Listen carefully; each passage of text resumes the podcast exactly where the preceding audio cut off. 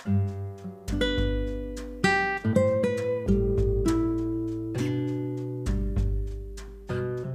semuanya, perkenalkan nama aku Deborah Christina dan ini adalah podcast pertamaku. Aku sangat bersyukur mendapatkan suatu wadah di mana aku bisa membagikan sharing, tips, dan cerita tokoh Alkitab. Disclaimer dulu ya teman-teman, aku ini bukan pendeta, jadi aku tidak akan berkhotbah atau menggurui, aku hanya guru sekolah minggu dan tahun ini tepat 10 tahun aku menjadi guru sekolah minggu. Mungkin jika ada teman-teman di sini yang mau bertanya atau sharing, kita bisa diskus sama-sama di Instagram aku Deborah Christina Simorangkir dan kita di sana akan sama-sama diskus lalu aku bawakan kembali ke dalam podcast ini supaya kita bisa dengar sama-sama. Dan kenapa sih aku pengen banget cerita tentang tokoh Alkitab di dalam podcast aku? karena aku merasa banyak banget dari antara teman-teman kita itu masih banyak yang tidak tahu atau bisa lebih mementingkan ilmu yang lain dan banyak sebenarnya yang sudah pintar bersaksi tapi sangat disayangkan masih banyak yang tidak tahu tentang cerita Alkitabnya. Jadi hanya pintar bersaksi tapi uh, cerita tentang tokoh Alkitabnya itu masih kurang. Di sini aku tidak bilang bahwa uh, bersaksi itu tidak bagus ya teman-teman. Bagus.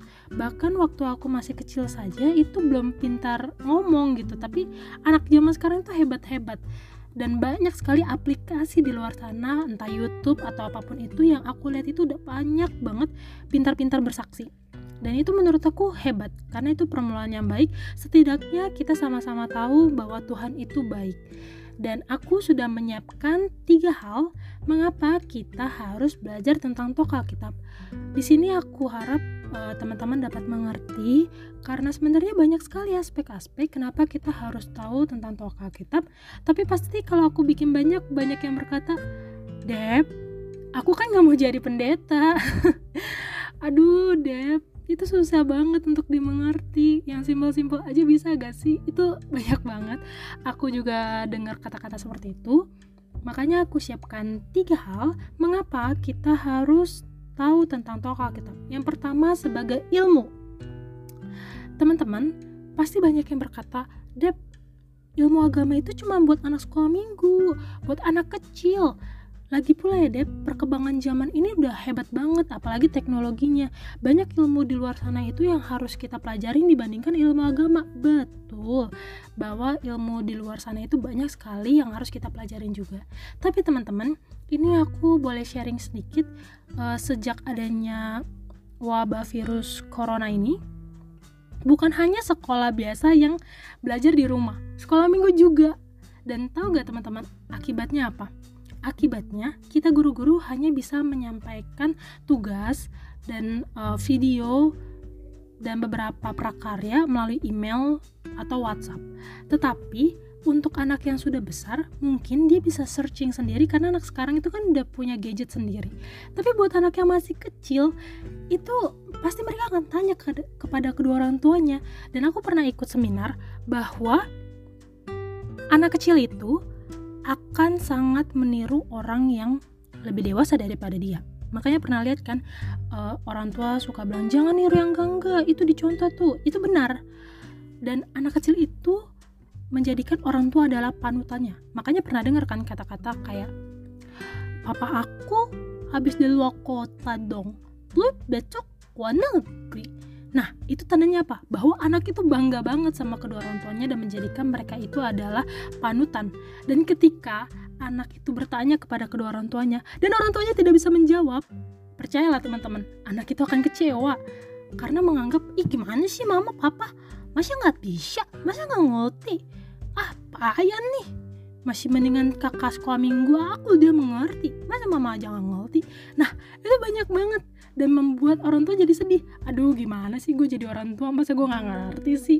Itu hanya pertanyaan yang harusnya bisa teman-teman jawab. Karena teman-teman bayangin teman-teman itu udah belajar agama dari sekolah minggu dari SD kelas 1 sampai SMA kelas 3 bahkan di perguruan juga ada walaupun di perguruan kadang kurang mendalam tapi setidaknya ada. Tapi jika anak kalian sendiri yang bertanya atau enggak keponakan kalian pasti kalian akan merasa gimana sih gue padahal gue yang udah lebih tua tapi gue nggak bisa. Eh jangan-jangan malah anak kecil itu yang ngasih tahu ke teman-teman sekalian. Aduh jangan sampai ya. Yang lebih kecil yang ngajarinnya lebih gede. Aduh harga diri di mana? Dan yang kedua selain ilmu jadi ilmu agama itu tidak hanya teman-teman pelajari, tapi juga harus teman-teman kuasai sampai nanti teman-teman sudah dewasa untuk mengajari adiknya, keponakannya, bahkan mengajari anak-anaknya. Karena banyak banget dari kejadian wabah virus COVID-19 ini, orang tua yang kewalahan. Jadi, orang tua tidak bisa menjelaskan kepada anak-anaknya tokoh-tokoh Alkitab yang di mana hari itu merupakan temanya. Jadi orang tuanya kelabakan sendiri. Ada yang tanya ke gurunya juga, bahkan ada yang jadinya cari-cari informasi sendiri. Itu kan kewalahan. Sedangkan jika teman-teman sudah mengerti, saat ditanya, ya teman-teman langsung menjelaskan. Jadi kan tidak membuang-buang waktu dan membuat anak-anak itu merasa, wah, mamaku hebat ya, tahu loh cerita tentang ini. Wah, itu ada rasa keterbanggaan sendiri ketika anak itu bangga kepada kita. Dan yang kedua, selain sebagai ilmu adalah menumbuhkan iman. Teman-teman, ini tadi seperti yang tadi aku uh, kutip sedikit, banyak teman-teman yang sudah pintar sekali bersaksi. Bahkan anak sekolah mingguku sendiri, ini sharing sedikit ya. Waktu aku masih kecil, itu aku nggak berani ngomong. Mungkin ada beberapa teman-teman yang seperti aku ya. Tapi anak sekarang itu pintar sekali bersaksi. Seperti anak sekolah mingguku ada yang berkata, iya kak, aku tuh nggak bisa pelajaran matematika tapi aku yakin Tuhan beserta aku. Eh aku bisa. Nilai aku jadi bagus kak. Hebat ya Tuhan. Wah itu menurut aku zaman sekarang tuh udah keren. Anak-anak sekarang itu sudah bisa menyampaikan aspirasinya di mana waktu kita masih kecil belum tentu bisa berkata seperti mereka. Jadi menurut aku benarnya anak-anak sekarang tuh udah nggak bisa disamakan seperti anak-anak dulu karena teknologi sekarang itu udah semakin pesat, YouTube juga sudah semakin banyak channelnya. Jadi untuk uh, menyampaikan aspirasi, aku akuin anak-anak sekarang tuh hebat. Jadi banyak sekali kesaksian-kesaksian di luar sana yang sudah bisa menggambarkan bahwa Tuhan itu baik.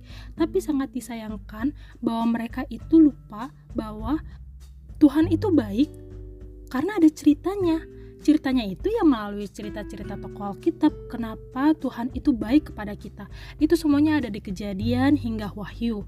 Nah saat kita sudah mengetahui cerita tentang tokoh Alkitab percayalah teman-teman seketika itu juga iman kita akan bertumbuh.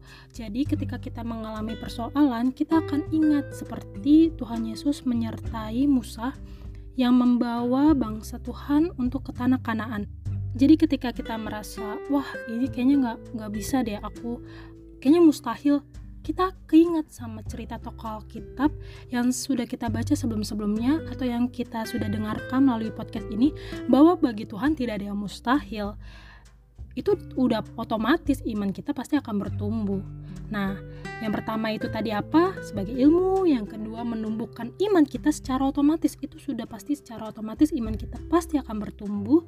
Dan yang ketiga sebagai pertanggungjawaban. Nah, pertanggungjawaban ini sepertinya akan aku bikin di sesi lainnya. Karena ini baru perkenalan, jadi aku harap teman-teman terhibur dan semakin semangat untuk mendengarkan podcast aku mengenai cerita-cerita tokoh Alkitab agar iman kita semakin tumbuh di dalam Tuhan. Sampai bertemu di podcast berikutnya. Tuhan Yesus memberkati. Bye.